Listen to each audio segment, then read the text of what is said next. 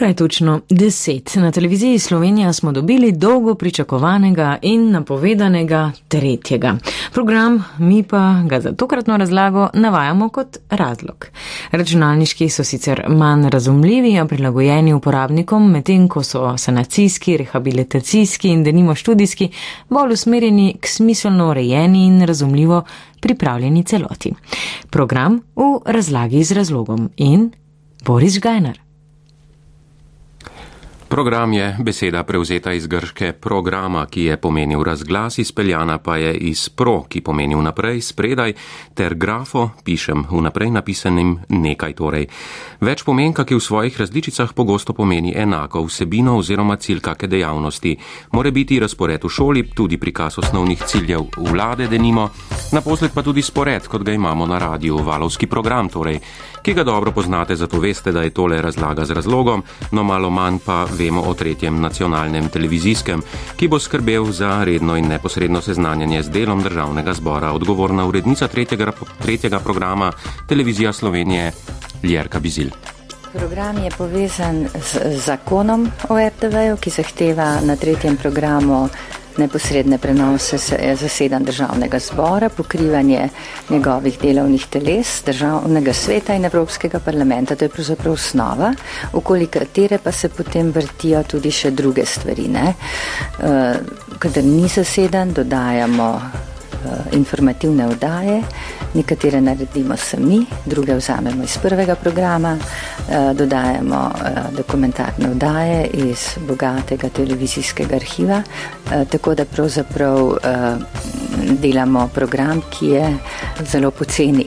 Če ljudem na kratko morda pojasniva tistim, ki ne poznajo ozadja delovanja televizije, kaj je bilo treba vse postoriti, da je tretji program zdaj viden. Uh, govorim zdaj o delih v uh, stavbi parlamenta, tu v televizijski hiši.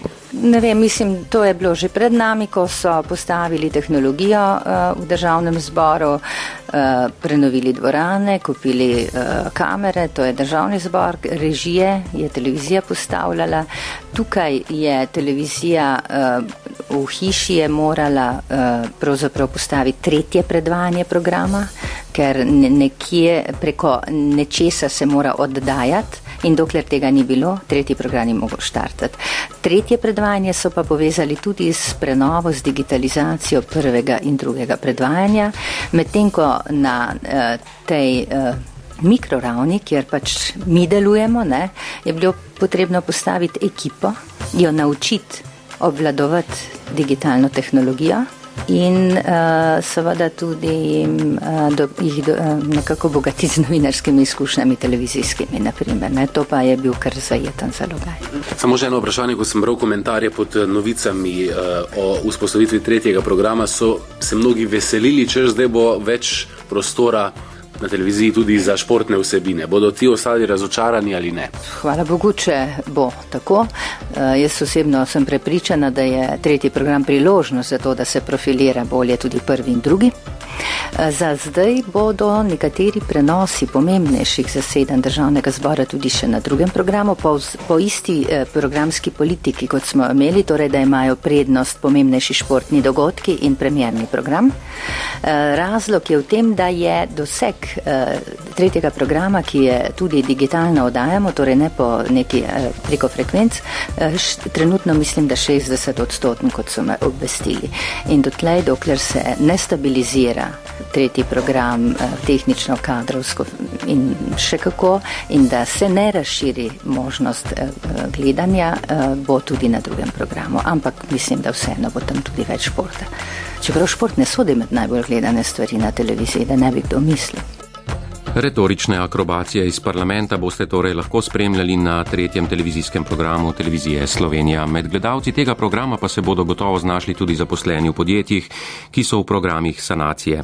Tujka sanirati izvira iz latinskega sanare, ki pomeni ozdraviti, popraviti. Razlago sanacijskega programa pa nam je podal Blaž Miklavčič, predsednik uprave GH Holdinga. Ja, sanacijski program uh, se pripravlja za podjetja, za gospodarske družbe, ki so v težavah. Uh, to je dejansko nabor aktivnosti, nabor ukrepov, ki jih je treba izvesti v določenem časovnem obdobju, nekaj mesecev, nekatere trajajo celo več let, uh, da se uh, družba, se pravi gospodarska družba, dejansko reši iz težav in da lahko ponovno normalno posluje, odnosno eh, takoj za upravljenim eh, sanacijskim programom pride že upoštev razvojni program, eh, na osnovi katerega eh, pa so seveda tudi eh, določene aktivnosti in cilji, eh, kako se družba naprej razvija. Sanacijski program je dejansko ima določena pravila igre. Cilj je samo en, da družba začne ponovno pozitivno poslovati, da se odpravijo težave. Eh, je pa predvsem za eh, dejansko izvedbo, samo izvedbo sanacijskega programa eh, potreben predvsem konsens Eh, vseh zaposlenih, se pravi sodelovanje celotnega tima znotraj podjetja, sodelovanje lastnikov in tudi doskrat eh, ali pa praktično vedno pri izvajanju sanacijskega programa je potrebno zaveznike poiskati tudi na trgu ali celo v širšem okolju. Je pa potrebno povedati, da uh, ni univerzalnega recepta. Uh, za vsako družbo so ti ukrepi specifični, No, slišali smo, da uspešnemu sanacijskemu programu sledi razvojni program in še posebej v predvolilnem času lahko veliko slišimo in preberemo o različnih strankarskih programih, tudi ti so razvojni. O njih vemo veliko, obljube so stalnica, zato smo vsebinske programe raje poiskali v kontekstu civilne družbe.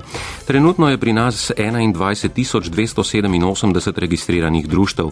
Matej Verbajs, strokovnjak za nevladne organizacije iz pravno-informacijskega centra nevladnih organizacij, v Ljubljani pa nam je pojasnil, kaj je to program društva. Namen osnovne društva je precej širši kot namen, ki jih imajo stranke. Ne? Se pravi, društvo je že po definiciji neka vrsta članska organizacija in je vsaj v osnovi vedno uh, usmerjena v delovanje interesa svojih članov. Medtem ko stranke pa v bistvu ne, nimajo programa za sebe, ampak za neko šečem, širšo družbeno okolje. Ne? Se pravi, kaj bi oni kaj se, na nekem nacionalnem nivoju recimo spremenili ali pa lokalnem. Ne? Program društva v bistvu je neke vrste dokument, eh, ki se je izoblikoval v društvih, predvsem v praksi, se pravi v okviru njihovih delovanj. Ni pa to nek dokument, ki bi ga društva z vidika zakonskih obveznosti mogla imeti. Jaz pač ocenjujem, da so se ti programi razvili ali pa seveda tudi iz tega razloga, da društva so zavezana k izdelavi in oddaji letnih poročil. Zdaj ta letna poročila vsebujejo tako neke finančne, računovodske podatke, kot vsebinske podatke o tem, kako so dosegali svoj namen, svoje cilje in tako naprej. Ne. In zdaj neke vrste izvedbeni dokument ali pa neke vrste podlaga za to poročilo je pa lahko program ali pa načrt delovanja. Ne. In pač tudi ti načrti oziroma ti programi gre v dve smeri. Eni so se pravi, kako bomo poslovali, neke vrste finančni načrt, ne finančni program. Um, se pravi, koliko so predani prihodki, predani odhodki in podobno, in po drugi strani vsebinski um, program, se pravi, kaj bomo počeli, katere dejavnosti bomo izvedli, kaj bi s tem želeli doseči in podobno. Ne? Um, je pa seveda le pomembno, da so programi taki, da se da rezultate na koncu izmeriti, se pravi, da niso preveč posplošeni in da tudi po koncu leta niti ne znamo predvsem, da je bilo to izpolnjeno ali ni bilo. Ne? Pisati programe je razmeroma lahko, težje pa jih je izpolnjevati. In če društvo ne uresničuje svojega programa, Matej Verbajs. Ker to zakonsko ni urejeno, tudi nekih zakonskih sankcij ni, ne? kar pa ne pomeni, da ne bo znotraj društva prišlo recimo, do sprememb v organih, predvsem v vodilnih organih. Vkolikor bi zdaj člani društva predsednili, da neki vodilni organi, recimo predsednik, upravni, izvršni odbor in podobno programa niso izpolnili pa bi ga sicer lahko, a ne lahko to seveda sledi, da niso ponovno izvoljeni, oziroma tudi, da so odstavljeni v končni fazi. Ne? Ja, jaz mislim, da je to predvsem neke vrste um, smernica, kam sploh plujemo, oziroma kaj želimo doseči. V končni fazi tudi, recimo, vodstvo, ki izpolni program, se bo imelo s čim za pohvaliti. Ne? In žal se vse preveč ljudi in ustanov s svojimi programi le hvali. Morda bi potrebovali še kakšen poseben program za izpolnjevanje programov.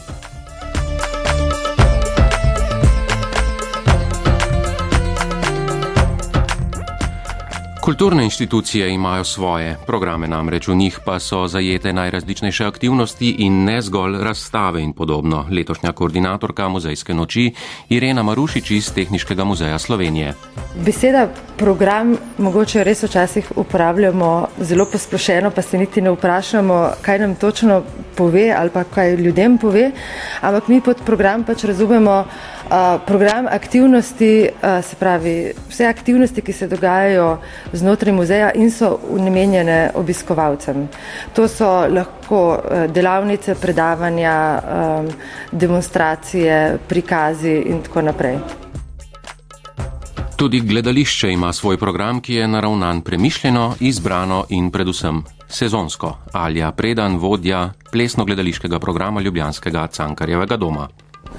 Ja, program v gledališču je seveda skupek idej, ki jih človek, ki, eh, ki ga načrtuje, se reče bodi si umetniški vodja ali, ali programer, kakorkoli se to pač imenuje, um, skupek idej, ki imajo neko rdečo nit, ki imajo neko povezovalno uh, strukturo znotraj sebe, uh, zasnuje in ga seveda potem udejani v nekem določenem časovnem okviru.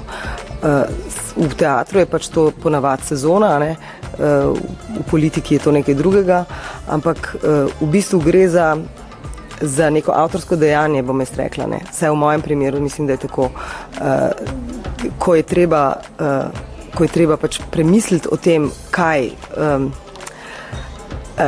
kaj izbrati, kako kombinirati in sestaviti kako prezentirati, kakšne, eh, časo, v kakšnih časovnih intervalih to prezentirati. Skratka, tukaj je več elementov in celota ta, vsa ta eh, celota, ki jo pač tvorijo časovni, vsebinski, estetski, um, vem, pomenski, filozofski elementi, vsemu temu potem lahko na koncu rečemo program.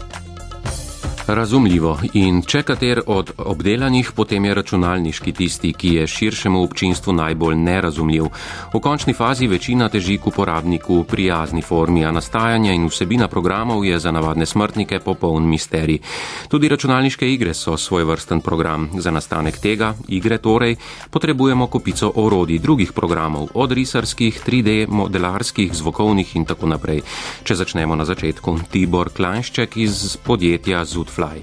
Prvi program je operacijski sistem. Ne? To je pač Windows in Linux, karkoli že zbereš. Ne? Recimo Microsoft uporablja prav en svoj programski jezik, ki ga imajo za vse svoje programe delati, ki je tak, da ga lahko brez velikih programov narediš. V bistvu mi, prvo programeri, delajo en program, ki ga lahko potem vsi ostali uporabljajo, da spoh vidijo, kaj bo nastalo na koncu. Pa se pa ta program skozi popravlja, In to dejansko na koncu rata pol tista zadeva, ki ti poženeš, pa dobiš igro ne, na ekran. In ta program pa dejansko prebere vse podatke, ki so bili narejeni z vsemi drugimi programi. In to je pol igra. Ne. In to je potem igra, računalniški program, ki se ustvarja znotraj drugih programov, ki se piše, riše, obdeluje skratka v različnih fazah, za njegovo branje pa potrebujemo nek spet drug program. To je tako zelo podobno filmu. Ne? Pač prvo imaš scenarij, pa pol imaš vem, začetne ideje, skice, kakšen prototip narediš, take stvari, potem imaš pa pač, pa se podločiš, kaj boš naredil. In se gre delati programski del, pa umetniški del posebej, ne? In potem pa to skupaj pride v bistvu na koncu. In tle pride noter pa vse od tega, da imaš ljudi, ki ti naredijo cel svet, um, naredijo pač prav model sveta, da lahko ti se v njem premikaš, naredijo vse, vse osebe, vse objektke, ne, mize, stole, karkoli že, postavijo vse luči, vse zvoke noter dajo, potem še dejansko imamo tudi noter filmčke, ki so skadrirani in vse. Tako da, kot filmska produkcija, sam da čez računalnikom narejen, pa da ima zraven pač en velik program, ki to vse poganja. In če se nekateri programi pišejo dokaj hitro, za računalniške igre velja, da so verjetno najdolgotrajnejše programsko početje, število piscev pa presega pričakovanja Tibor Klanšček. Ta Grand Theft Auto 4, ki je prišel, je bilo 6000 ljudi. Pri nas je recimo to tako pride do 150 vsega skupaj. Kaj se pa zgodi, če ugotovite, da določen del programa ne funkcionira tako, kot bi si želeli? Kaj reprogramirate? Ja, mislim, to se vedno dogaja. Ne. Pač itak je to čisto evolucijski proces. Ne. Nekaj probaš, ker misliš, da bo delal, pa najboljše ideje, ki si imel, pa, pa če ne dela, pač popravljaš, dokler ne dela. Ne. Ali pa rečeš, da ne bomo tega sploh naredili. Igra dejansko nastaja naša, približno dve leti. Pač dejansko tekmuješ s Hollywoodom za njihove vstopnice, da bo šel folk kupiti igro na mesto stopnice. Kar nekaj programov bi lahko še naštevali, a konec koncev ugotovimo, da je njegov izvoren pomen prav pri slehrnem enaku. Naprej zapisana vsebina, ki ima jasno opredeljen cilj, torej program Vala 202 pa teče naprej, takšna je programska schema. Gora Zrečnik, Rok Kožel in Boriš Gajnar smo z razlago, z razlogom dopolnili le en programski del valovskega dopoldneva, sledi pa drug, mislim, da promet.